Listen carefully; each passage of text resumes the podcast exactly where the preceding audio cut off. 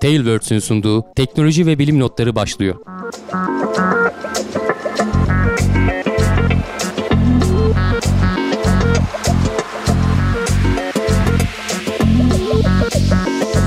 Teknoloji ve bilim notlarına hoş geldiniz. Ben Can Akbulut, yanımda Hamdi Kellecioğlu ile beraber yine sizlerin karşısındayız. Ee, var mı Hamdi abi bizim TeknoSeyir e, bünyesinden yapacağın duyuru? Yok, önemli bir gelişme olmadı Anladım anladım. bizim tarafta. Peki. Plus içeriklerin geleceğini söyledik. Devamı var mı, sürprizin var mı diye. Herhalde Yok, henüz- arkadaşlar henüz bek- yok, evet. bekleyişlerini sürdürecekler. Pekala. O halde ben ilk haberden giriyorum. Crew Dragon görevinden bahsettik. Ee, demo bir uçuşu e, ya da ne diyelim e, demo bir operasyonu uzay istasyonuna başarıyla kenetlenmiş. Evet, e, 2 Mart'ta olacağını söylemiştik. Biraz işte yıl başında olacaktı, ertelendi, ertelendi. En sonunda Mart'ın başında e, yapmayı başardılar. İşte NASA onay verdi demiştik geçen hafta. Evet. E, bir sıkıntı da çıkmadı. Hava şartları da uygundu. İşte cumartesi sabahı fırlatıldı. Pazar sabahı da bir gününü uzayda geçirdikten sonra Uluslararası Uzay İstasyonu'nda kenetlendi. Tamamen otonom bir şekilde. E, bu arada şeyleri de güzel denediler. E, yaklaşma prosedürlerini falan hepsini tek tek denediler. Normalde yapılmayacak e, güvenlik için kullanılabilecek prosedürleri bile denediler. İşte mesela yaklaşıyor. Tam işte karşısına geliyor. Sonra biraz geri çekiliyor mesela işte 20 metreye kadar yaklaşıyor. Sonra 80 metreye kadar hani acil bir durum olursa Evet, evet. geri çekilebilir mi vesaire falan. Bunların hepsi denendi. E, her şey de düzgün bir şekilde çalıştı. Bir sıkıntı yok.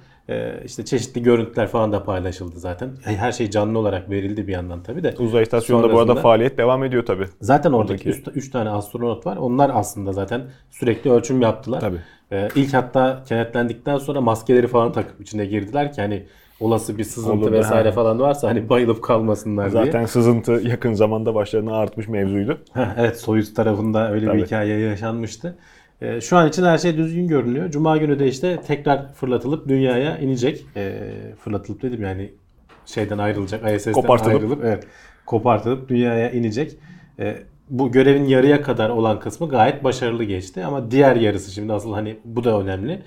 Ee, o şeye kenetlenmek falan hassas işler ama dünyaya inmek de bir o kadar hassas. Yani tabii ama dediğin gibi asıl önemli olan kısım. Yani dünyaya Yarı inme demeyelim ona. kısmında şey problem o kadar problem yok çünkü şey daha önce işte e, Dragon'un e, SpaceX'in daha önceki kargo görevlerinde yüzeye inen şeyler var. E, tabii. E, ayrıldıktan sonra. Aynı şekilde kenetlenmiyorlar. O yüzden farklı diyorum bununkine.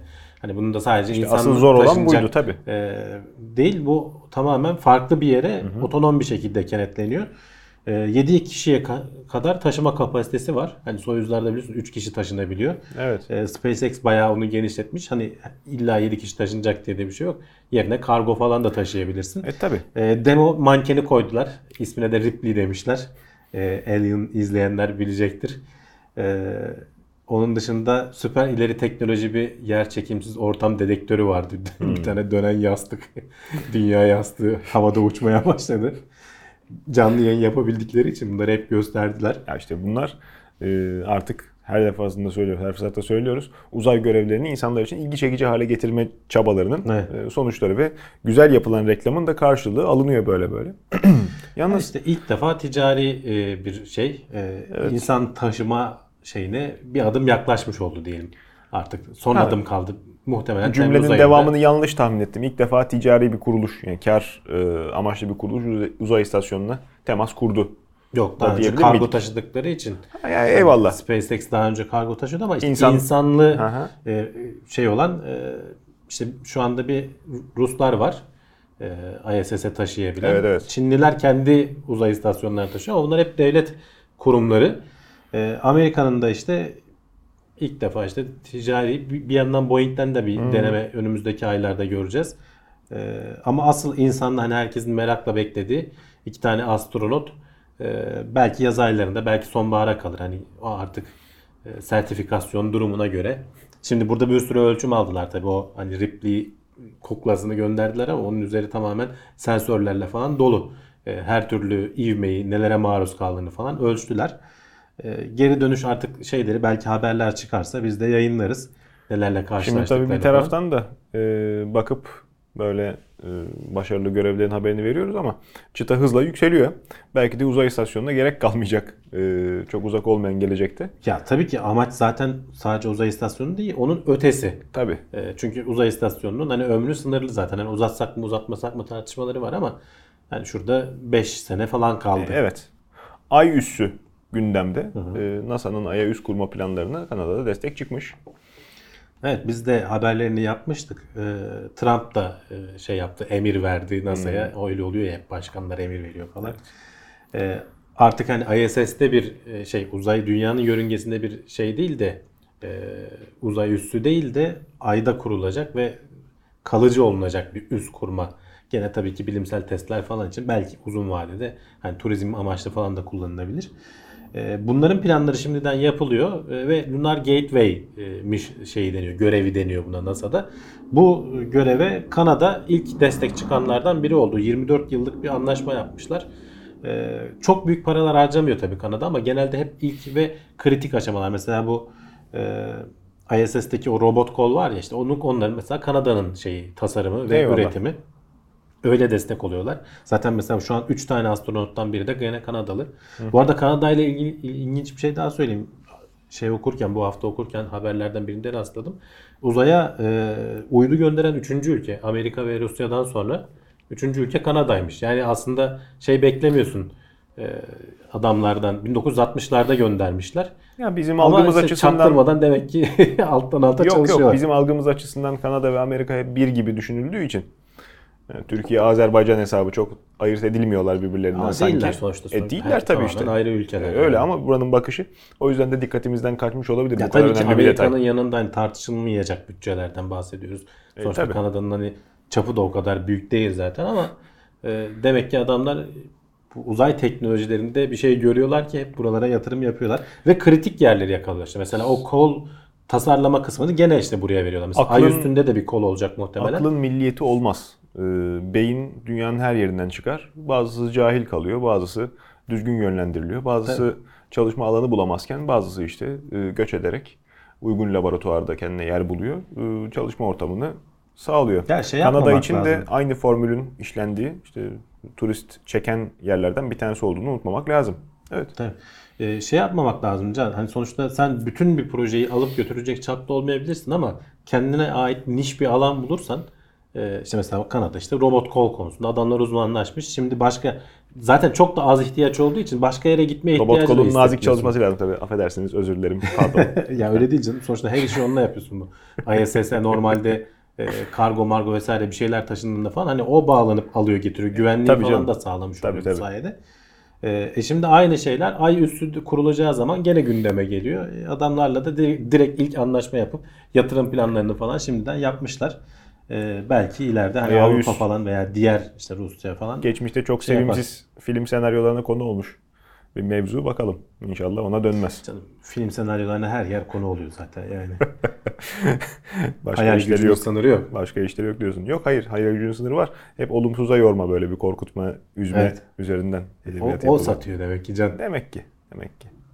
Rusların başarısız Venüs görevinden arta kalan parçalar bu yıl içinde dünyamıza inebilir mi diyelim tekrar. Düşecekler hani bakalım. e, belki de inecek bilmiyorum karaya doğru gelirse inmiş sayılabilir. E, ta 1972 yılında 31 Mart 1972'de fırlatılmış Venera görevleri vardır bilirsiniz. Onlar fırlatıldığında Kozmos görevleri olarak isimlendiriliyor. Başarılı oldukları zaman ismi değiştiriliyor. İşte Venera 8-9 falan diye gidiyor işte. 8 Venera 8'den 4 gün önce mi ne fırlatılmış? Yani 4 gün sonra fırlatılmış bu. Ama işte daha atmosferden çıktıktan sonra dünya yörüngesinden ayrılırken bir sıkıntı yaşanmış ve parçalanmış. Ee, o yüzden ismi değiştirilmemiş. İşte Kozmos 482 görevi olarak kalmış. Ee, o zamandan beri de bayağı böyle eliptik bir yörüngede dönüyor. Her seferinde dünyanın atmosferine işte o elip, elipsin yakın kısmı geldikçe sürtünme kuvvetiyle yavaşlıyor yavaşlıyor. Ee, tahminler 2023-2025 yılında dünyaya ineceğiydi ama daha bu yılın sonunda veya önümüzdeki yılın başlarında inme ihtimali de var diyorlar.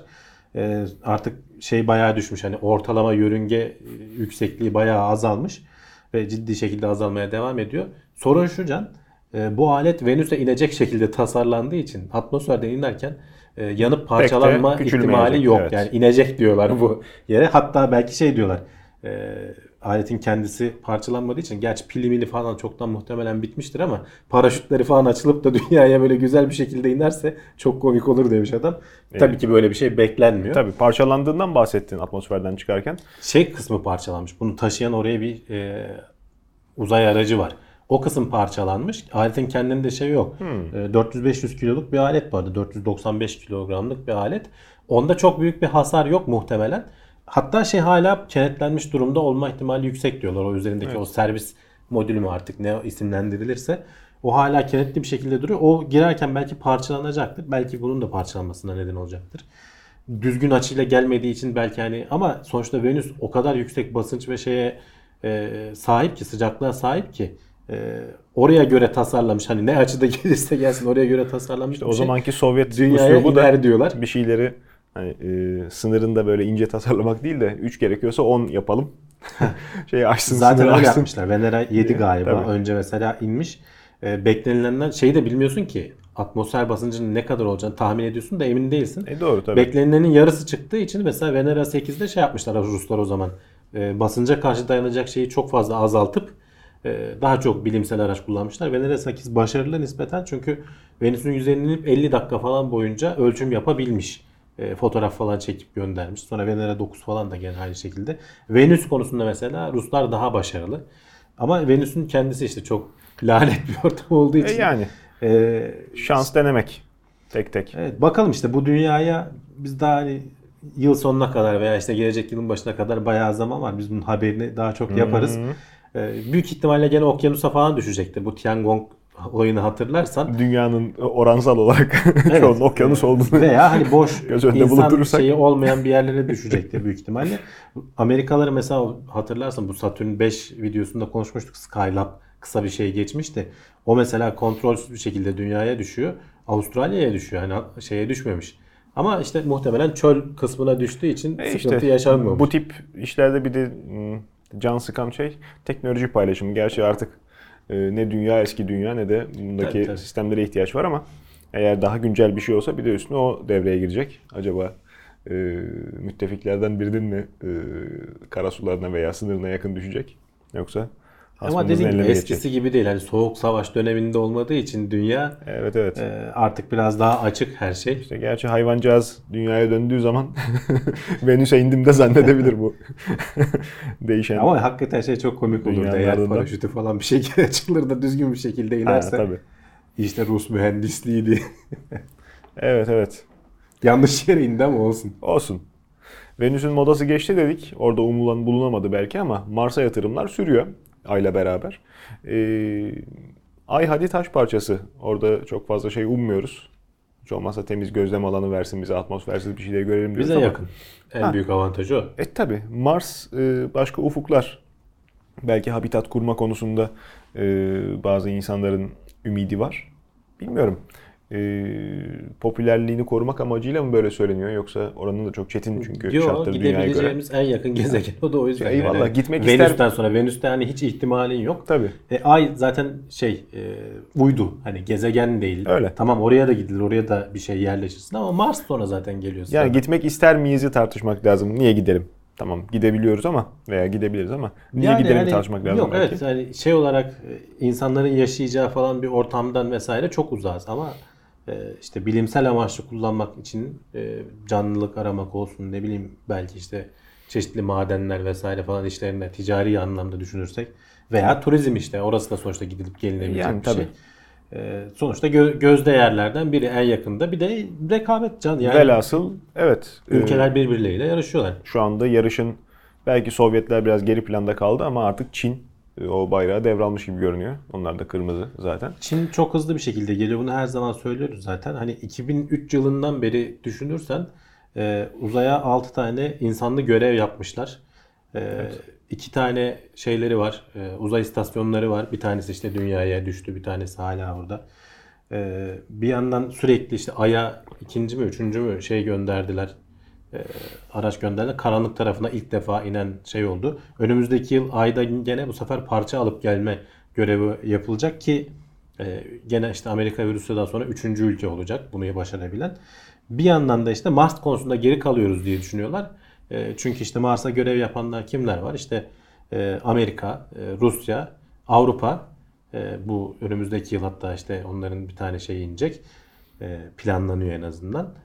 Hindistan'ın uydusu var. Evet. E, Çin herhangi bir şey daha oraya yapılmamış. Hem yörüngede dolaşıp hem de yüzeye bir şey indirebilecek bir görevleri olacağı söyleniyor. Önümüzdeki yıl fırlatılacak ama hani onun ne kadar zamanda varır, ne kadar şeyde ulaşır onu bilmiyoruz. Bir de yaptık, Belki gelecek yıl hani Çin'in Mars görevinden de bahsediyor olabiliriz. yani yaptıkları hareketleri bir de e, Çin'i hep taklitçilikle insanlar e, suçlarlar ama Çin üretimi ürünlerin özgün olmadığından bahseder. Ama bu gibi işlerde tecrübe, bilgi birikiminden istifade çok çok büyük bir avantaj. Tabii. Yani önceden gidenlerin dümen suyunda gitmek Çin'i çok ciddi Ama bir yandan mesela şimdi Avantaj senin sahibi dediğin yapıyor. taklit konusunu falan arabada vesaire veya ne bileyim işte Canım, telefonda falan ne arabası da her şeyde.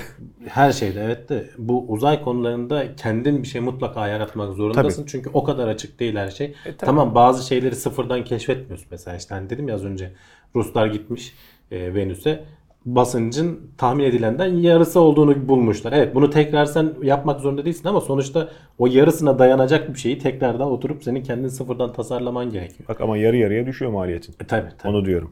Tabii Yine ki önemli önemli bir yani hani avantaj. ilk zaten şeydir dalgayı yaran Zaten- en çok enerji harcar yani. Tabii böyle zaten o kadar basit olsa ha zaten gidildi artık bundan sonra Ay'a duble yol yaparlardı Tabii, bizde tabii. 2003'ten beri. Şey olarak yani e, işleyiş olarak çok doğru bir şeyleri sıfırdan öğrenmek e, çok kıymetli tecrübeler kazandırıyor. Hepsi de paylaşılmıyor ama yani sonuç itibariyle arkalarında bıraktıkları izleri de öncülerin e, saklamaları pek mümkün değil. Tabii tabii. En nihayetinde. Bu arada bir tane de şey kurmuşlar. E, Moğolistan tarafına yakın bir yerde. Orada çok yüksek böyle çöl iklimini e, ciddi ağır çöl şartlarını içeren yerler var. Oraya bir Mars simülasyon laboratuvarı gibi bir şey kurmuşlar. Biraz da birazcık da turistik amaçlı falan da kullanılacak. Hani insanların kalabileceği falan bir ortam. E, tabii ki hani atmosfer basıncı falan dünya gibi oluyor. Yani onu simüle edemiyorsun ama ortam en azından bayağı taş toprak çöl ve soğuk şeklinde sana onu hissettirebilecekler herhalde. İlginç. İlginç evet. Uzay e, turizmi hakikaten çok enteresan bir e, çığır açacak herhalde. İnsanların tatil planlarında, ufuklarında, hayallerini yönlendirmelerinde. Ya işte şeyler şu hani bir 5 yıl 6 yıl sonra e, SpaceX falan veya işte Boeing gibi firmaların da işte bu özel girişimin de hızını iyice arttırmasıyla e, bu iş bayağı normalleşecek gibi görünüyor. Bak e, sık sık biz yani 10 yıl yaptığımız- dersen 2030'lara yaklaşıyoruz zaten. E, bayağı ilerlemiş oluyor aslında. Evet, evet. O öyle ama e, insanoğlunun yenmesi gereken e, sıkıntılar tabii durduğu gibi de duruyor. Yani onlara da e, dünyamız bünyesinde bir takım çalışmalar yaparak e, mesafe kat etmek zaruri. Doğru. Yeni ufuklar açmak, yeni e, yerlere dümen kırmak güzel ama e, tıbbiyenin gelişim döngüsünde ilaç satımının veya hastaların, potansiyel hastaların e, tedaviye gösterecekleri rağbetin, yapılan araştırma geliştirme faaliyetinin geri dönüşünün ne kadar önemli olduğunun çok e, ciddi payı olduğunu her fırsatta dile getiriyoruz. Uzay çalışmalarının da bu kadar popülerleştirilmesi, bu kadar e, kolay ulaşılabilir kaynaklar halinde hatta doğrudan bize servis edilmesi işte. e, şovlarla her anını görüntüleyip e, bütün dünyaya yayın yapılmasıyla turist çekilmek, insanların ilgisinin çekilmesi gerektiğini biliyoruz. E, hastalık çalışmalarında da kanser tedavisi üzerinde çok ciddi yoğunlaşmalar gördük ancak AIDS uzun süredir e, gündemde değildi. Zira bakıldığında AIDS'in tedavisi çok da aranan, çok da istenen bir e, şey değildi sanki. E, adım değildi sanki. Zira e, hastalığa yakalanan kişiler eğer e, varlıklıysa hayatiyetlerini devam ettirmek üzere yeterli paraları harcayabiliyorlar. E, korunmak için de muhtelif yöntemleri tercih ediyorlar. E, onun dışında gerçekten hastalıktan kıvranan kimseler Afrikalı, sersefil millet olduğu için onlara da yapacak bir şey e, yoktu pek. Ya Afrika'da tabii yoğunluklu olarak hani E, tabii. bu HIV virüsünün bulaştığı Çıktığı işte yerde zaten. yaygın olduğu yer ama sonuçta Avrupa'da işte Asya'da falan da çok fazla var. Amerika'da Doğru. falan da var. Ve Yine- e, ciddi yatırımlar yapılıyor. Hani yapılmıyor değil. Zaten onları sayesinde aslında şu Yakın- anda işe yarayan ilaçlar falan varsa onlar sayesinde. Yakın zamanda tabii, yakın zamanda yine e, gelen haberlerden bir tanesiydi. E, bilhassa, yani bu şimdi e, bazı insanlar için uçuk bir kavram ama aslında e, dünyanın ciddi e, gerçeklerinden bir tanesi seks turizmi. E, bizde hep akla eski Sovyet bloğu memleketleri gelir e, ama e, özellikle Güneydoğu Asya'ya çok ciddi e, batılı memleketlerden Evet. de bunun müşterisi gidiyormuş ve e, buralarda alışık olunmayan insanların tanımadığı e, yeni tip virüsler bünye, bünyelere geçmiş. Tedavide de zorlanıldığı fark edilmiş. Dolayısıyla herhalde e, bunun ışığında birazcık daha e, araştırmalara hız verildi. E, uzunca bir aradan sonra ikinci bir hastada da HIV gerilemesi gözlemlenmiş. Evet, Tedaviye doğru. diyemiyoruz, gerileme diyoruz. Çünkü ilaç kullanmadan aslında hastalığın baskılanmasından bahsediyoruz. Evet. Yalnız bu da bak az önce sen söyledin. Hatta biz daha önceki gündemlerde de konuşmuştuk. HIV'in çeşitleri var. Evet. Burada bahsettiğimiz şey HIV1 en hani Avrupa tarafında falan yaygın olan hastalık. Senin o dediğin işte Asya'nın taraflarında olan HIV5'ti galiba yanlış hatırlamıyorsam. Ben hatırlamıyorum. Ee, yanlış da hani kusura bakmasın izleyicilerimiz ama öyle bir şeydi. Sonuçta Ee, virüsün varyasyonu. Evet varyasyonu ve aynı şek- şekilde aynı ilaçlara tepki vermiyorlar. Oradakinin Grip gibi işte. Daha ciddi sıkıntılara neden olabileceği ama şu an işte kapalı bir şekilde orada e, muhafaza edildiği, hani çok fazla yayılmadığı söyleniyor. Çok da muhafaza edilemiyor bu turizmle. Evet yani sonuçta insanların hareketlerinden dolayı çok da muhafaza edemiyorsun dediğin gibi. Ama HIV1 konusunda işte işte uzun dönemli ilaçlar, antiviral ilaçlar falan kullanılması da belli aşamalara gelindi. Ee, en son 12 yıl önce Berlin'de bir hastada e, aynı zamanda kanseri de var galiba. Kanser tedavisi için e, kemik e, iliği nakli yapılmış. E, hatırlarsan hep şu şeyde konuşuyoruz ya Çin'deki genetiği değiştirilmiş bebeklerde bir genden bahsediyorduk. CCR5. Evet, evet. Bu kemik e, nakli yapılan hastaya da CCR5 negatif kemik iliği verilmiş ve bunun e, bir süre sonra e, HIV1 e, şeyini hastalığın işte virüsünü gerilettiği e, gözlemlenmiş. E, şimdi bunun aynısını bir başka e, hastada e, gene işte özellikle kemik iliği nakli yapmıyorlar herhalde. Bel- Belki bir negatif etkisi vardır ama o da gene bir e, kanser tedavisinden şey, dolayı, tabii. lösemi tedavisi Evet. nedeniyle e, kemik iliği nakli yapılıyor. Yapılırken de CCR5 negatif donörden alıp e, il- iliği naklediyorlar. E, sonrasında ilaçları kesmesine rağmen HIV1'in gerilediği e, bir kez daha ikinci kere yani o Berlin'de yaşanan olayın tek bir olay olmadığı, bunun aslında geçerli bir çözüm olabileceği gösterilmiş oluyor. Evet. Bu sayede belki hani bu zaten bu şey ilaçlardan bazıları da yanlış bilmiyorsam bu CCR5'i baskılayan ilaçlar. Hani o genin e, ifade edilmesini, okunmasını baskılayan ilaçlar. E, belki işte ileride genetik bir yöntemler falan da bu konuda araştırılabilir. Belki de kemik iliği nakli falan gibi şeyler e, düşünülebilir. En Evet. azından HIV1 için. Evet, evet. Yani de birincinin işte tek stabil- bir örnek olmadığı, Tabii. e, bir ik- ikinci vaka daha olduğu gözlemlenmiş. e, hassas konular e, hayvan üzerinde yapılan deneylere de benzemiyor. Dolayısıyla e, üzerinde araştırma yapmak, üzerinde deney yapmak çok zor, çok e, sıkıntılı. Stabil bir noktada tutulduğunu zannediyoruz ama e, hortlayama, hortlamaya hazır. Tekrar tehlike arz edecek Yani hani boyuta ulaşmaya hazır. Tam anlamıyla tedavi edildi denmiyor. Çünkü işte bu remisyon deniyor. Yani gerileme deniyor. Hastalığın baskılanması ve geri gitmesi. Ee, ama bazen vücutta biliyorsun virüs kalabiliyor. Tamamen temizleme Canım. gibi bir şey olmuyor ve bir şeyden dolayı tetiklenip Şimdi tekrar Bazı e, insanlar aktive olabiliyor. e, bu hastalığı yani bulaşma şekli itibariyle hemen e, aman nasıl olsa benim yaşam e, tarzıma şey değil e, nedir etkisi yok bana bir şey olmaz diye görmezden gelebiliyor. E, bu bakış açısı her ne kadar hastalıklı olsa da e, aksini de bir- bir- birçok defa ispat ettik memleketimizde.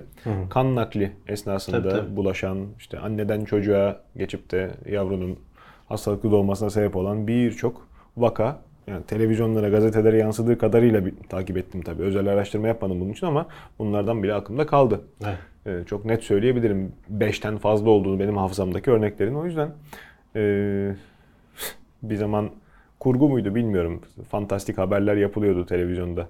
Ya da efsane bilmiyorum. Ee, aramıza hoş geldin diye iğne batırıp da Ha. metrolarda şeyde gezenler. Saçma Bilmiyorum, sapan ben o- onlara pek ihtimal vermedim ya. İht- belki belki çok teknik ihtimal falandır ama. ihtimal değil ama işte tedavisi çok zor. Tedavisi e, imkansıza yakın bir hastalıktan bahsettiğimiz zaman bu tüyleri ürpertiyor. Doğru. E bunu da böyle insanları korkutmak için e, kullanmak elbette e, sıkıntılı zihinlerin işine gelecektir. Tedavi masrafı, tedavisine e, fon yatırılması, bu konuda araştırma yapılması çok güzel olacak. Bir taraftan da e, farklı bir şey söyleyeyim, e, farklı bir tıbbi gelişme söyleyeyim. Hep e, aydınlatma çözümleri gece karanlığında e, etrafımızı bulmak, yolumuzu bulmak için onlar üzerinde çalışıyoruz. Göz mekaniğine bu sefer bir müdahaleyle e, içeriye bir sıvı enjekte edilmesiyle e, gece görüşü kazanabildiğimiz Yani evet. iddia ediliyor. Buna ne kadar gece görüş denir hani ondan emin değilim ama normalde göremediğimiz e, kırmızı ve ötesi e, dalga boylarını biraz daha görebilir hale getiren bir araştırma bu. Tabii ki fareler üzerinde yapılmış ama farelerin göz yapısı bize biraz benziyor. Retina kısmı zaten özellikle. E, dediğim gibi göze enjekte edilerek hani gözünü gözüne iğne batırıp içine bir sıvı enjekte ediyorsun. Bir çeşit nanopartikülden bahsediyorlar buradaki. Çinli araştırmacılar yapmış. E, yaptıkları şey de o retinadaki e, çubuk ve koni hücreleri vardır. E, çubuk hücreleri e, ışığı seçer, ışığın, koniler e, rengi seçer. yoğunluğunu algılarken konilerin de 3 farklı tipi var işte. Aha. E, hatta belki tam şeyini bilmiyorum ama kırmızı, yeşil, mavi tonlarına hassaslaşmış. Dolayısıyla renkli görmemizi sağlayan. Bunların biraz daha sayıları o çubuklara göre daha az ama renkli görmemizi sağlıyor. İşte bunlara e, üzerine yapışarak normalde bunların algılayamadığı, bunlar ne yapıyor aslında? Üzerine düşen ışığı elektriksel veya kimyasal şeylere çevirip beyne ulaştırıyorlar. Beynimiz de onları algılıyor aslında. Müşürü tarif ediyorsun şu an. Evet yani hani sonuçta evet şey kameralar falan E, çalışma canım. mantığı da aynı o e, CCD veya işte CMOS falan sensörler Işığı, falan basıncı, dediğimiz sıcaklığı bir şeyi elektrik sinyaline çeviriyor. beyin de onları yorumluyor sonuçta Evet. görme dediğin mekanizma bu. Ama işte o şeyi e, dalga boyu, ışığın gelen dalga boyu belli bir şeyde olması lazım. E, aralıkta olması lazım. İşte e, galiba insanda 640 nanometre mi ne ötesini göremiyorsun artık. Ondan sonrası kırmızıya kaymaya başlıyor. tamamen. Evet. Ee, en alt tarafta da göremediğin bir kısım var. Ee, mor ötesi falan taraflarında da. Ama işte asıl kızıl ötesi tabii ki doğada bazı canlılar var. işte yılanlarda, bazı e, şeylerde, kurbağalarda, kuşlarda da olabilir evet. Ee, bunları görüp e, en azından hani ısıyı algılayıp bizim normalde ısı da sonuçta etrafa yayılan bir işte elektromanyetik dalga yani. Öyle. Onu algılayıp e, bizim aynı görmemiz gibi hani belgesellerde falan da öyle gösterilir. Veya işte bizdeki çalışan gece görüş gözlükleri de aynı mantıkla çalışıyor. Senin göremediğin şeyleri algılayıp senin görebileceğin dalga boylarını çeviriyor. Veya bir başka Buradaki türü termal kamera. Evet işte aynı şey zaten. Sıcaklığı. Hı hı. Ee, buradaki termal olur. kamera dediğin de zaten o şeyi algılıyor. Kızıl ötesi o senin yaydığın normalde En yakın örneği o olur insanların kafasına canlanacak. Şeyler falan da öyledir yani UFO e, sobalar vardır hani çalıştığını görmezsin E, ama ısıtır seni yani Evet, vücudunda hissedersin işte onu görebildiğini düşün. E, bu nano e, parçacıklar aslında bir çeşit anten gibi senin oradaki hücrelerin üzerine çarpıp gelen ışığı onun görebileceği, algılayabileceği dalga boylarına çeviriyorlar. Böylece biraz daha belki yeşilin tonlarında aynı işte o gözlüklerde olduğu gibi çevreyi biraz daha algılayabilir, görebilir hale geliyorsun. Ee, problem şu işte dediğim gibi başta e, gözüne iğne batırman gerekiyor. Yani çünkü retinaya başka nasıl ulaşacak bilmiyorum. Ha bu araştırmalar gelişir bilmem ne olur. İleride belki damla yoluyla bu işi çözer hale gelirlerse Belki de kontak lens olur ne bileyim. bilmiyorum tabii hani ona şey kontak lens şey nasıl çevirecek bilmiyorum. Gelen dalga boyunu. Teknolojinin gelişmesinden bahsediyorum. Evet. Belki Hayal yeteri kadar gelişir. Yani. Belki de genetik müdahale. O konu hücrelerinin bakalım. çeşidini sayısını arttırırsın. Tabii. Ama geri dönüş, Hiç göremediğimiz renkleri gören çocuklar doğar. geri dönüşünün olması da lazım. İnsanlar hep e, işte bir şeyleri görmek, bir şeylerin daha fazlasını isterler ama e, bir taraftan da e, aşırı yeteneğin çok da sürekli açık olmasının çok da huzur Tabii veren bir şey olmadığı. uyarılma beyin için iyi bir şey değil. herkes aynı renkleri görüyor olsa eyvallah da toplum içinde ayrışmak bir tarafa. işte e, gürültü içinde insanın duyamadığı kulaklar çok has- aşırı hassas değil. Belli aralıkta güzel çalışıyorlar Tabii. ama belli frekansın üstü ve altı bize kapalı. İşte onlar açık olduğu zaman acaba e, uykusuzluktan Ya bu- bu beynin tarz- mi döner? Araştırmalar genelde şeyler için oluyor. Mesela renk körlüğü tedavisini Tabii ki. çözmek için falan. Ama işte dediğin gibi zaten olan bir şeyi daha da iyileştirmek için niye kullanmayalım diyen birileri çıkacaktır. Çıkacaktır. Ama sonuçları nasıl olur birileri denemeden bilemeyiz. Hani E yani sürekli uyarılan, görmek istemediğin şeyleri görebileceğin durumlarda söz konusu birileri olabilir. dediğin gibi hep bir teknolojiyi manipüle etmek, onun sonuna kadar zorlayıp e, acaba nedir diye zorlama eğiliminde ve maalesef bu birileri e, önemli mevkilere gelerek e, kitlelerin yönetimine, işte devletlerin karar alma mekanizmalarına kadar ulaşabiliyorlar. Hatta daha haris yapıda oldukları için buralara daha kolay geliyorlar. İtidalli e, beyinlerden. E, dolayısıyla e, bizim e, her zaman gündemimizde icadından beri, e, öncesinde de gerçi başka türlü savaş varmış ama icadından beri bir nükleer tehlike, bir tehdit küresel boyutta hep e, kulağımıza çalınıveriyor. Bu aralar tekrar gündeme geldi. Niye? E, tabii Çünkü işte. Hindistan'la Pakistan arasında bir sıkıntı var ve ikisi de nükleer gücü sahip ülkeler. Önce sahip. Öncesinde de garip saç kesimine sahip arkadaşlar işte gidiyorlar konuşuyorlar. O ona atar yapıyor, öbürü diğerine gider yapıyor. Dolayısıyla hep e, bir işte füze ne zaman patlayacak, Evet. sığınağı mı Ya saklanmalı, hadi orada mesela Amerika'yla Kafamıza alüminyum folyo mu sarmalı? İnsanın hani pek de şeyine gelmiyor, aklına gelmiyor. Yani eninde sonunda yola gelirler falan diye düşünüyorsun ama hani Pakistan'la Hindistan zaten aktif olarak e, sıkıntılı yerler, hani savaşmış yerler. En ufak bir şeyde hemen tekrar başladılar işte şimdi birbirlerine bir şeyler yapmaya. İkisinin Evet, de elinde evet. yaklaşık 150'şer tane yanlış bilmiyorsam nükleer bomba olduğu söyleniyor ki bu bombalar da işte bu zamanda Hiroşima'ya falan atılanın kat kat güçlü olan Çok bombalar. özür dilerim. Ee, bu noktada yanlışım varsa lütfen düzelt. Zira e, yani bu yanlış e, muhtemelen izleyicilerimizle de paylaştığım yanlışlar olacak popüler kültürün tesiriyle. Şimdi nükleer bombanın tanımı itibariyle tesir gücü çok yüksek, şiddetli patlama ardından bıraktığı radyoaktivitenin Hı. etkili olduğu ve uzun yıllar kalıcı hem tarım arazisine zarar verdiği hem işte orada her türlü ıı, hayvanatın, nebatatın gelişimine sekte vurduğu gerçek. E, Dolayısıyla kıtalar arası savaşta kullanılması biraz mantıklı gibi değil mi? Değil. Kısa mesafeli bu kadar birbirine komşu sınırı, e, sınır komşusu iki ülkenin birbirine nükleer bomba sallaması tutup da kendini patlatmasından Yok o ne, kadar ne işte kadar etkileri farklı? o kadar çok fazla olmuyor. Tek bir tane atarsan, iki tane atarsan falan o kadar etkileri fazla olmuyor ki hani yakın dediğin yerlerde bayağı birbirlerinden aslında şeyler. Canım kıta mesafesinden araya okyanus Yani girmesinden asıl bahsediliyor etkisi ya. aslında etrafa yaydığı serpinti değil, asıl etkisi patlama anında yaydığı enerji. Anladım. Mantığı o yani aslında. Çünkü çok büyük miktarlarda enerjiyi bir anda yaymış oluyorsun. Evet. Sonrasında tabii aslında istenmeyen etki o serpinti ve o serpinti Doğru. işte rüzgarlarla falan belki sana gelme ihtimali. Evet, evet. Dolayısıyla tabii ki yakın yerleri tercih etmesin ama zaten e, savaşın bir anlamı yok yani sonuçta saçma sapan Canım öyle de şimdi şeyden ortaya çıkan bir insan aktivitesi. ikimiz yani. birbirimize şimdi hasım olsak, e, birbirimize zarar vermek için silah seçecek olsak bu mesafede ne seçersin? Herhalde bana el bombası atmazsın. Bunu Tabii, tabii. söylemeye çalışıyorum. Ama işte iş o noktaya gelirse eninde sonunda onu da yaparsın. O noktaya gele, gelebiliyorsun yani onu diyorum. Hani yapacak bir şeyin kalmazsa Eyvallah da yani. e, ne kadar zarar verir ki? işte Böyle bir 2014 savaş. yılında bunun hani sürekli böyle fikir e, şey yapan fırtınası yapan böyle kuruluşlar falan vardı ya. Hmm. Onlar belli bilimsel temellere falan dayanarak bunları yapıyorlar zaten. Ee, bir e, kuruluş 2014 yılında eğer işte Hindistan'da Pakistan olursa ve işte savaşa girerse ve bunların işte nükleer bomba kullanmaya karar verirlerse sonuçları ne olur gibi bir araştırma yapmış. Ve tahminleri de işte ikisi de 50'şer tane bomba atsalar birbirlerine e, ve bu bombaların gücü de işte Hiroşima'daki kadar olsa e, minimumdan Ki artık daha güçlüler. Ki artık evet çoğunluğu daha da çok çok daha kat kat güçlü olduğu söyleniyor. Bunun üzerinden hesaplamalar yapılmış. E, mesele tamamen radyoaktivite falan değil Can. Bunun dünyaya etkili. Radyoaktivite falan hani bölge olarak etkili oluyor. Evet hatta taşınıyor falan ama e, yavaş yavaş sönümlenen şeyler bunlar. E, ve işte hani bu e, ne denir üstel bir şekilde de- etki eden bir şey.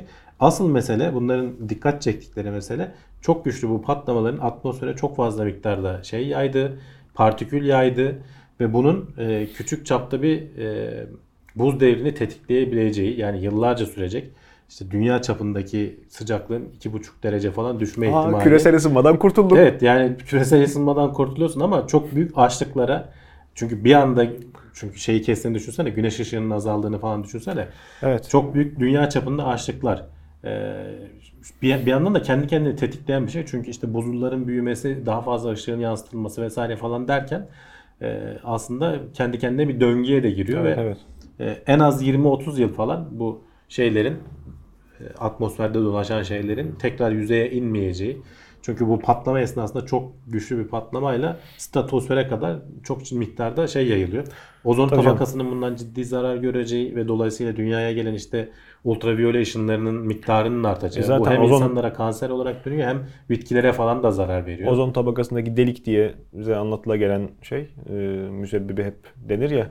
Yok işte sıktığınız deodorantlar yok çiftlik hayvanları. Tabii işte denemeler falan da var onun içinde. Tabii canım. Yani o, o, da söylenmeyen kısmı. sıktığın deodorantlar da var tabii ki. O ayrı. Yani klima işte yani. gazlarında falan da söz konusu. Onun bir miktarı iken asıl e, ciddi yarayı açan şey bu nükleer e, gözdağı için yani hani küçük bir yerde denemeler. kendi izole bir yerde nispeten olan bir nükleer savaş bile bütün dünyayı etkileyecek sonuçlar doğuruyor. Dolayısıyla hani zaten bu tarz silahların kullanılması pek olası görülmüyor, beklenmiyor. Bu sonuçları herkes E, tabii. tarafından tahmin edileceği için.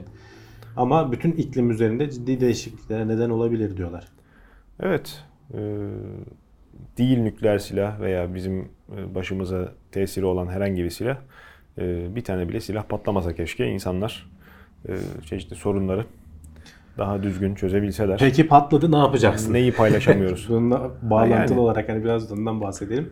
Hani en mantıklı şey olay yerinden hadi ölmedin diyelim. Çünkü çok ciddi etkili bir alanı şey yapıyor. Onun sonrasındaki o şok dalgası da her şeyi yıkarak geçiyor. Yani görüntüler internetten bulabilirsek gösteririz. Kaçmak için gidecektir.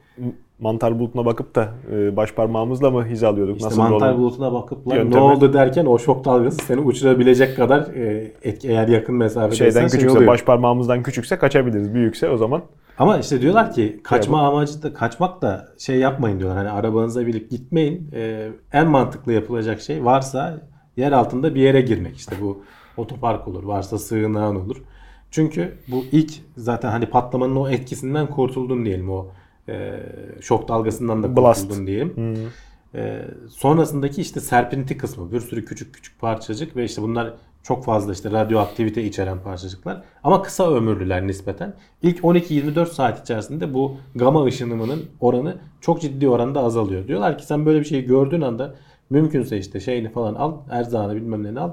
Yerin altına girebildiğin bir yere gir işte bu evin bodrumu falan bile olabilir. Ee, toprağın altında bir yerler olsun veya işte korunaklı olsun. Radyasyonun nispeten az şey yapabileceği bir yer. En azından 12-24 saat orada bekle. Elinde bir radyo olsun zaten devlet kurumları hala ayaktaysa seni yönlendireceklerdir. Ha ben arabama biner kaçarım dersen de diyor şey e, bu işte stratosfere kadar veya işte troposferin o üst katlarına kadar atmosferin ulaşan e, parçacıklar nereye gideceği belli olmuyor. Çünkü oradaki rüzgar yönleri Tabii falan canım. da yüzeydeki gibi değil farklı yönleri olabilir. Ve hızlı gidiyorlar. Senin gideceğin yere seni yakalayabiliyor. Araba zaten korunaklı bir şey değil.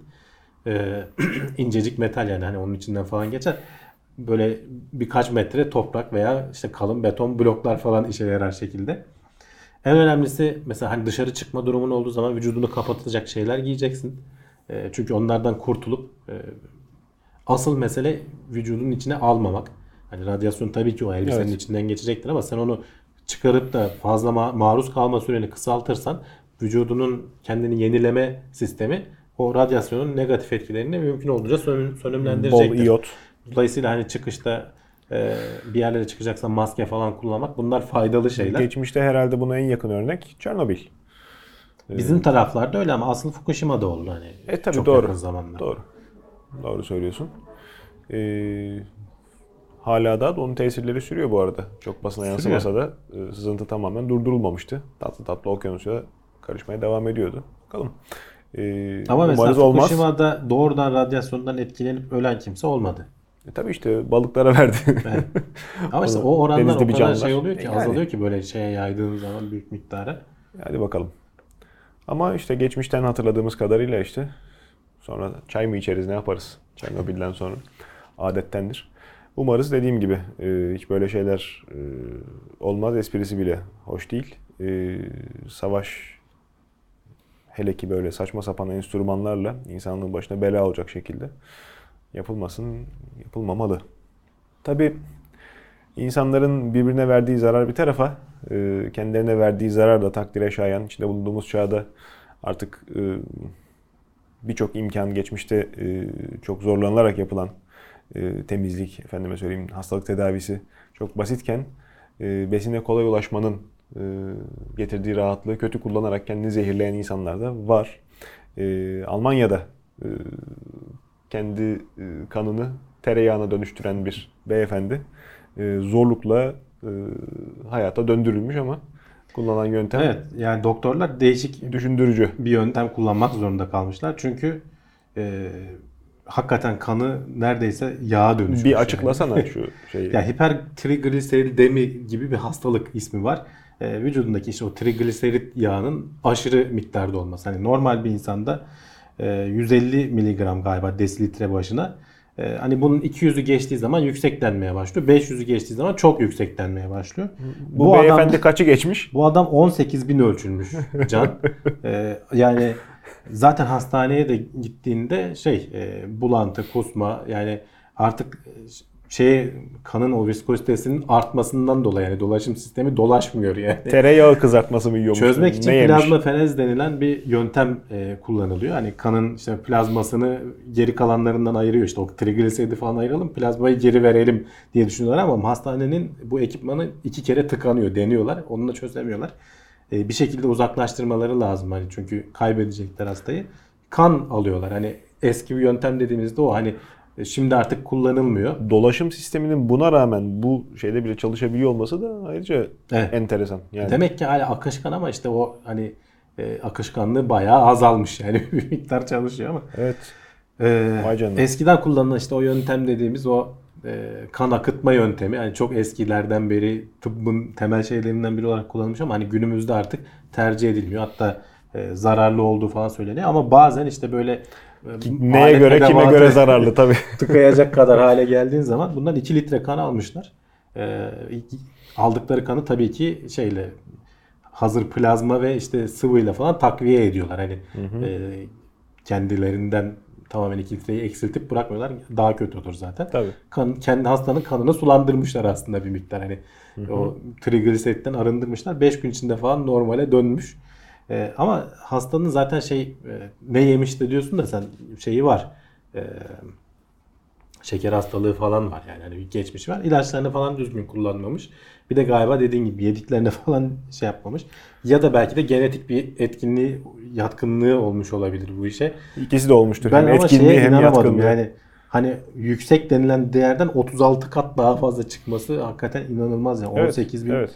Nedir ya? Hani 500'e çok yüksek denilen bir değerden bahsediyoruz. İşte ortalama değerlerin ne kadar aslında sağlıklı olduğunu da burada birazcık herhalde sorgulamak lazım. Bu Ya ta tek tük çıkıyor canım. Hani binde tek bir çıkıyor da işte. insan insandır. Ateş düştüğü yeri yakar. Ya Sen öyle. bu adam fenalaşmadan evvel hastaneye gitse. Şimdi vücudun normali de var. Herkes e, 1.80 boyunda 70 kilo şey değil. e, beyaz Değil, tabii, erkek tabii. değil. Yani bakıldığında sağlıklı insan portresini genetik faktörleri, aile geçmişini ele alarak herkes için ayrı oluşturmak lazım. Bu noktada da herhalde aile hekimliği çalışmalarının meyvesini önümüzdeki yıllardan itibaren görmeye başlayacağız. İşte ne kadar düzgün çalışıyor, verimli Yani çalışıyor tabii. o tartışılır tabii. İdeal tansiyon değeri, ideal e, işte kan şekeri değeri herkes için değişiyor. Tabii. Dünya etrafında yaşayan hayvanlar da hayvan e, berbat bir fıkra vardı ya bizde Nasrettin Hoca'nın. Leyleği görmüş bakmış şöyle bir gitmiş almış makası önce gagasını kırpmış ondan sonra ayaklarını kesmiş. Heh demiş işte şimdi kuşa benzedin. Hayvan severler duymasın. E, du- hepimiz ilkokul kitabında okuduk bunu. Hayvan sever. Bizim Duymasın da. hakikaten çok garip garip masallar yani. vardı yani. Ömer Seyfettin'in psikodelik hikayeleriyle beraber kolunu kesip adamın kafasına attı.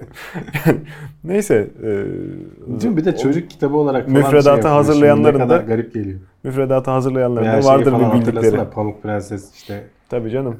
Avcı geliyor Ha. bana Ceylan. gömleğini getir diyor. Ceylan'ı Tabii, kesiyor tabii. falan.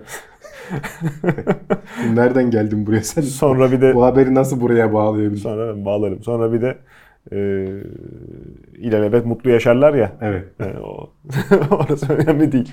Ondan sonra toplumda boşanmalar neden arttı?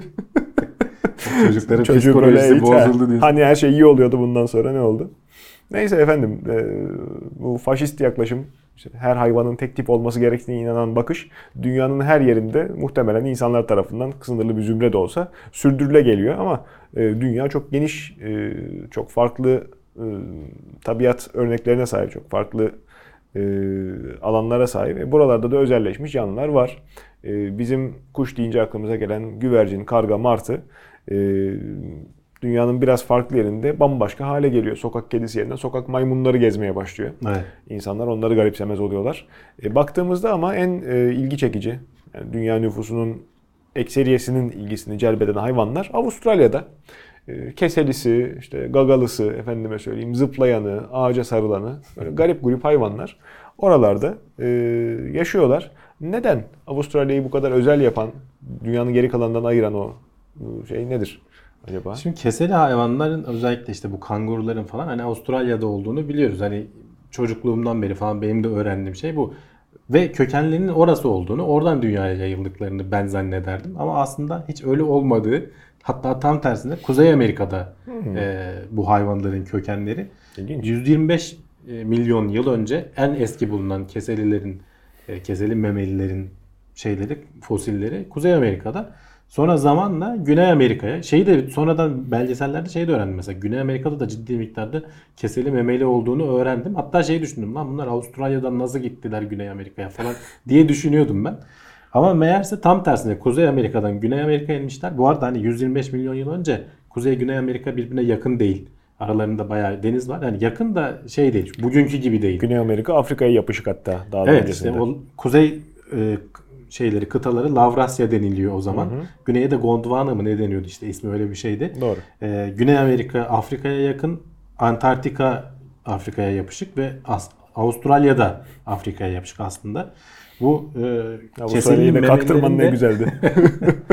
Keselilerin de e, Kuzey Amerika'dan işte 25-30 çeşidi varmış. Sonra bunların nesli tükenmiş. Bir kısmı Güney Amerika'ya yerleşmiş. Orada çok uygun ortam bulmuşlar herhalde ki yüzlerce çeşide evrilmişler. Sonrasında e, Antarktika üzerinden ki Antarktika'nın işte buz olmayan yerlerinde yapılan araştırmalarda da fosillere rastlanıyor. Antarktika üzerinden Avustralya'ya gelmişler. Avustralya'da herhalde çok e, bunlara saldıracak falan şey bulunmadığı için e, neden burada çok üredikleri bilinilmiyor. Tahmin ediliyor sadece.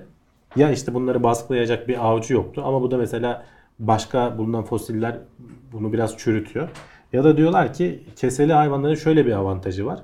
Zor şartlarda işte o sene e, doğa iyi besin vermedi. Yağmurlar şey oldu. Af- Avustralya'nın da biliyorsun büyük kısmı çölden oluşuyor. evet. E, keseli hayvanlar yavruyu çünkü orada yavrunun mekanizması şöyle daha çok az gelişmişken doğuyor. E, bilmiyorum hiç belge, belgesellerde izleyenler izleyicilerimiz görmüşlerdir. E, o kangurunun doğma anı böyle tırtıl gibi bir şey oluyor. Kırmızı küçücük bir şey. Gidiyor annesinin kesesinin içindeki e, süt memesine işte yapışıyor ve oradan eme eme büyüyor. Aylar içerisinde büyüyor. Kesenin içerisinde büyüyor. E, Plasentalı memelilerde bizim de dahil olduğumuz biz anne karnında bu işlemlerin hepsini yapıp sonra Evet. doğuyoruz. Bunlar daha bu aşamalara gelmeden önce doğup işte süt bezine yapışıp şey yapıyor. O arada da işte bazıları düşüyormuş yani. O aradaki mesafeyi ilerleyip geçmesi gerekiyor. Neyse hani zor zamanlarda bu memeliler şey yapabiliyorlarmış. Plasen şey e, keselerindeki yavruyu atıp kendilerini hayatta tutabilecek hani enerjinin zor buldukları enerjiyi ona harcamak yerine Evet. kendilerini hayatta tutmaya. Bu bir avantaj plasentalılara göre. Doğru. Çünkü sen hamileliği sonlandıramıyorsun kendi kendine. İşte Ee, bunlar sonlandırabiliyorlar. diazinon içmek falan gibi. Bu da bir hani söylentilerden biri, şeylerden biri, tahminlerden biri kesin olarak bilinmiyor. Ee, ama ilginç bir şekilde şu anda mesela Kuzey Amerika'da tek bir tane türü yaşıyormuş. O da Güney Amerika'dan tekrar oraya göç ettiği söyleniyor. Yani düşün bu hayvanların çıkış yeri Kuzey Amerika sonra Güney Amerika'ya ve işte Avustralya'ya yerleşiyorlar. Ee, Avustralya'da çok daha fazla tür var şu anda. Canım şaşırmamak lazım rekabet olarak.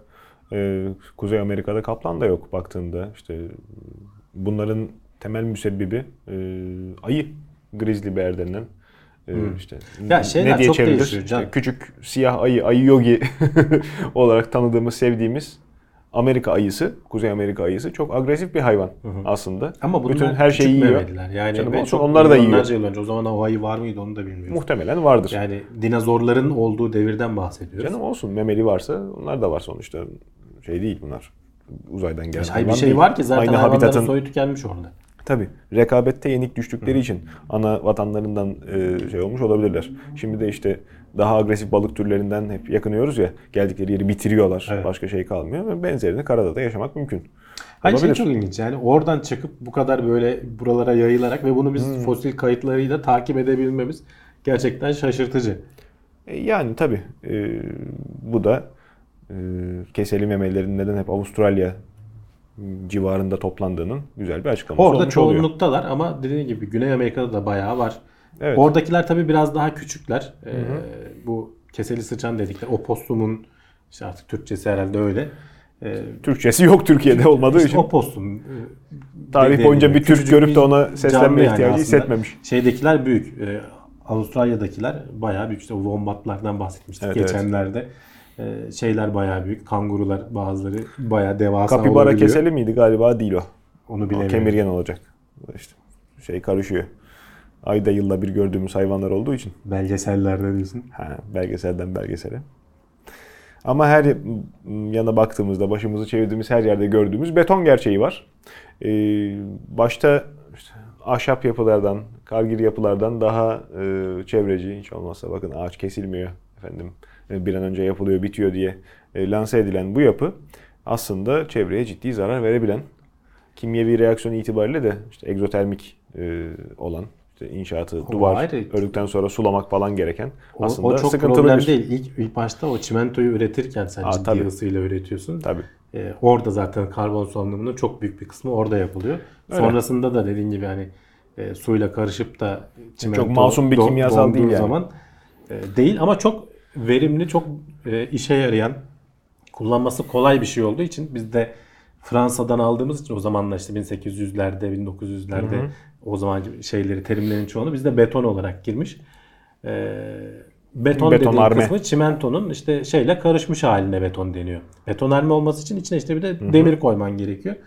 Ee, dünyadaki en iyi kompozit malzemelerden biri aslında birbirlerinin eksiklerini çok güzel tamamlıyorlar. Evet. Ve beton çok dayanıklı, basınca karşı çok dayanıklı, e, yangına karşı falan çok dayanıklı. Hani sen Doğru. doğal e, ahşapla falan yaptığın binaları yangında Evet. anında cayır cayır kaybediyorsun. Tarihte büyük İstanbul yangın- yangınları çok ciddi Ee, sıkıntı. yangına karşı dayanıklı ama mesela çekme kuvvetine karşı, gerilime karşı betonun dayancı çok az. Ee, onu da işte içine koyduğun demirle sağlıyor. e, sağlamlaştırıyorsun.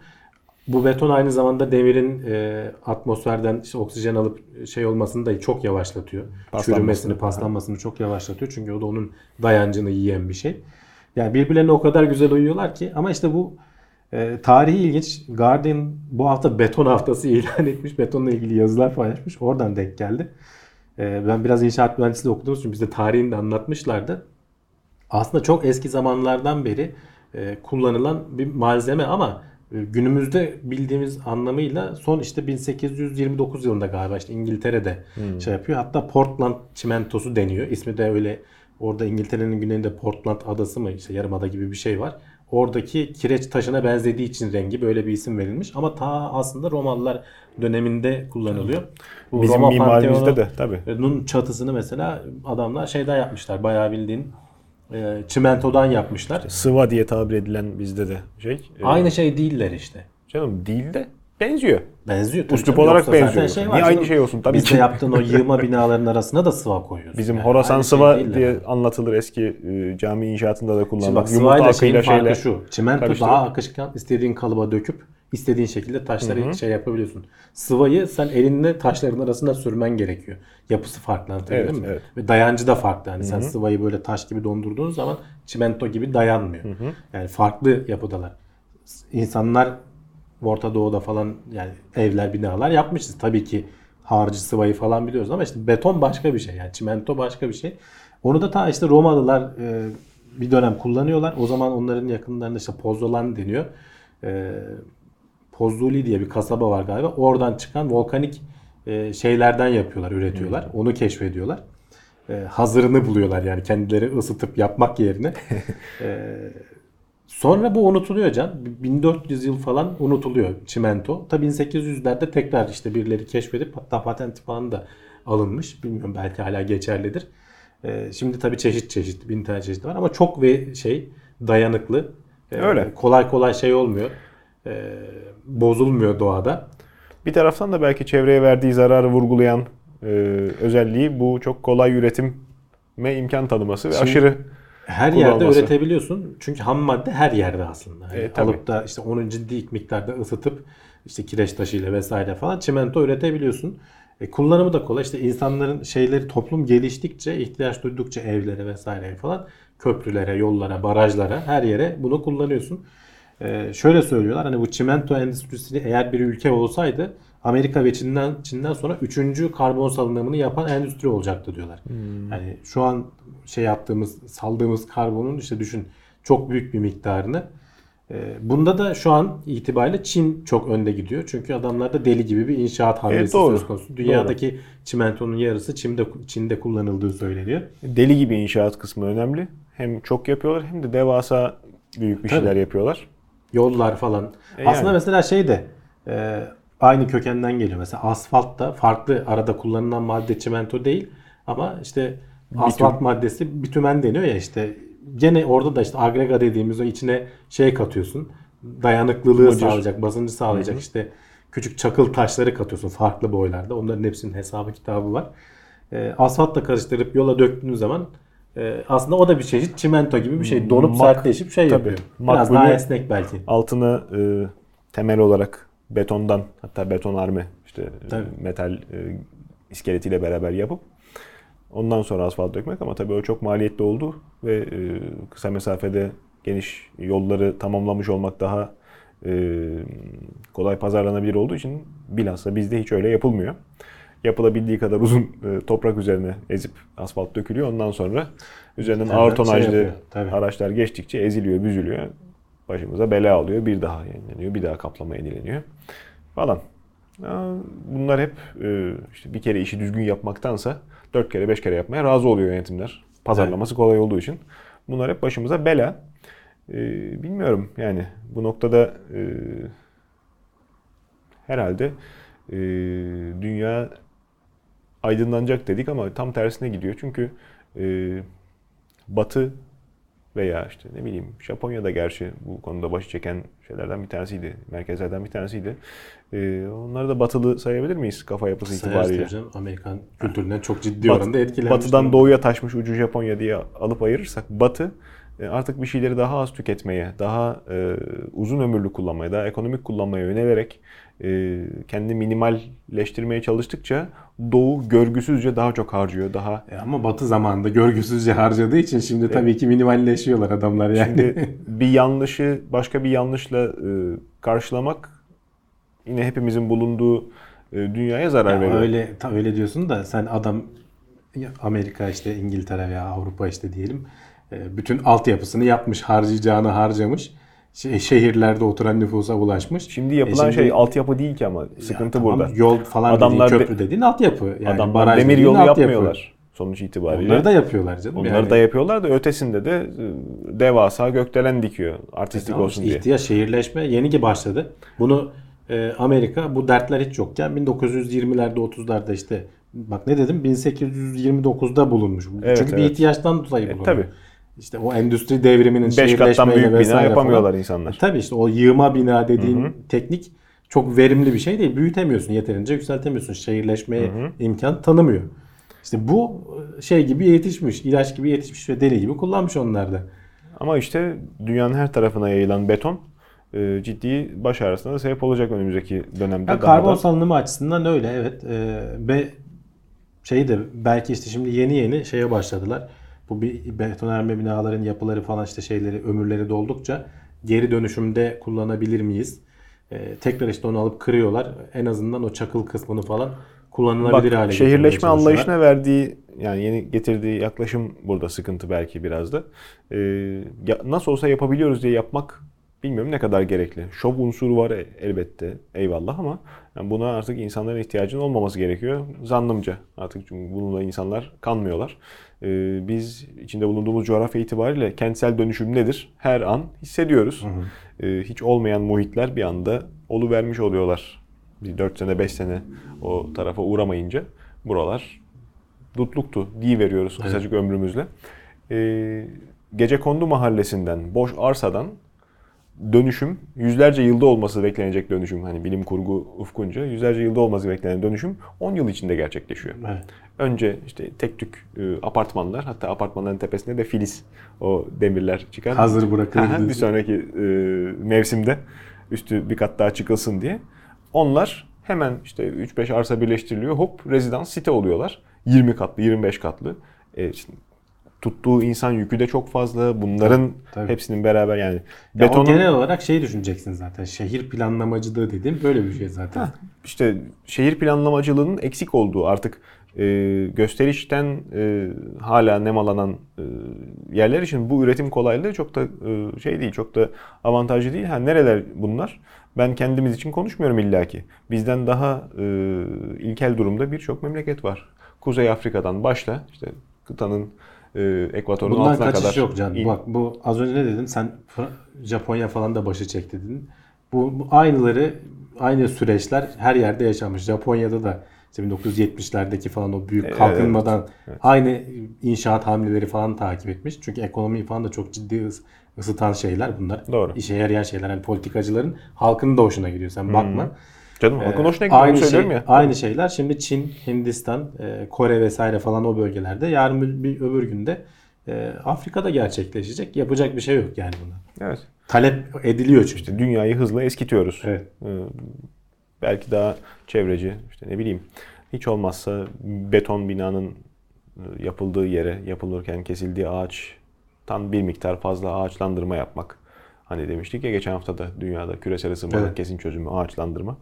Veya En büyük e, yöntem bari sevimli olsun diye kampanyası. dışına sarmaşık sardırma falan hem yalıtım diye özendirilirse bir nebze be- belki başarı alınır. Diyerek e, bu haftaki notlarımızı bitirdik. E, Başta sordum. Bir kere daha sorayım. yok mu herhangi Plus bir içeriye şey dair yapacak? ama önümüzdeki günlerde geleceğini de söylemiş olalım. Tekrardan hatırlatmış olalım. Sosyal medya adreslerimiz TeknoSeyir ismiyle bizi bulabilirsiniz. İnternet sitemiz ve e, işte Instagram'da, Facebook'ta, Twitter'da yine TeknoSeyir ismiyle yayınlarımız hakkında bilgiler veriyoruz. Oradan da e, duyurularımız bazen küçük esprilerimiz oluyor. Bizi izlemeye devam edin efendim. İyi seyirler, hoşçakalın.